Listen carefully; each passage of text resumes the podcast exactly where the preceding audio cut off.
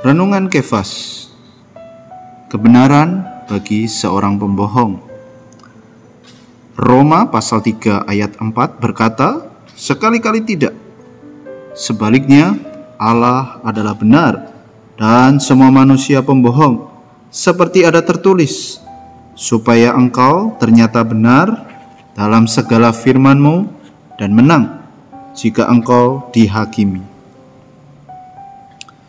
Seorang yang membeli makanan atau barang pastilah memilih yang terpercaya, baik melalui apakah ada asuransi dalam barang atau jaminan makanan itu sudah teruji klinis. Sama seperti dalam firman Tuhan, apakah manusia dapat menjamin dirinya benar di hadapan Allah.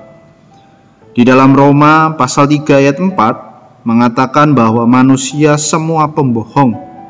Di sini memberikan fakta bahwa manusia sendiri adalah produk pembohong. Bagaimana manusia dapat dibenarkan apabila semua manusia pembohong?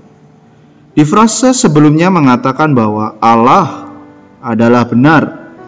Di ayat inilah kunci bahwa ketika manusia ada di dalam Allah, maka mereka benar.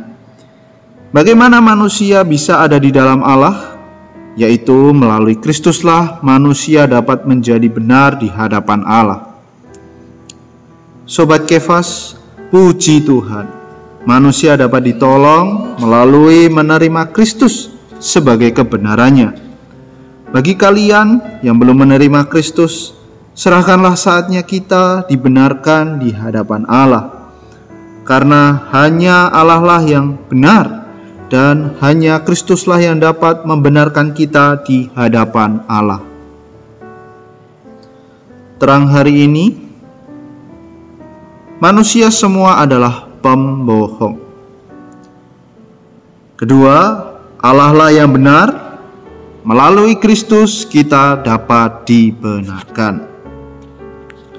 Beban doa yang pertama mengucap syukur bahwa masih ada jalan kita dibenarkan.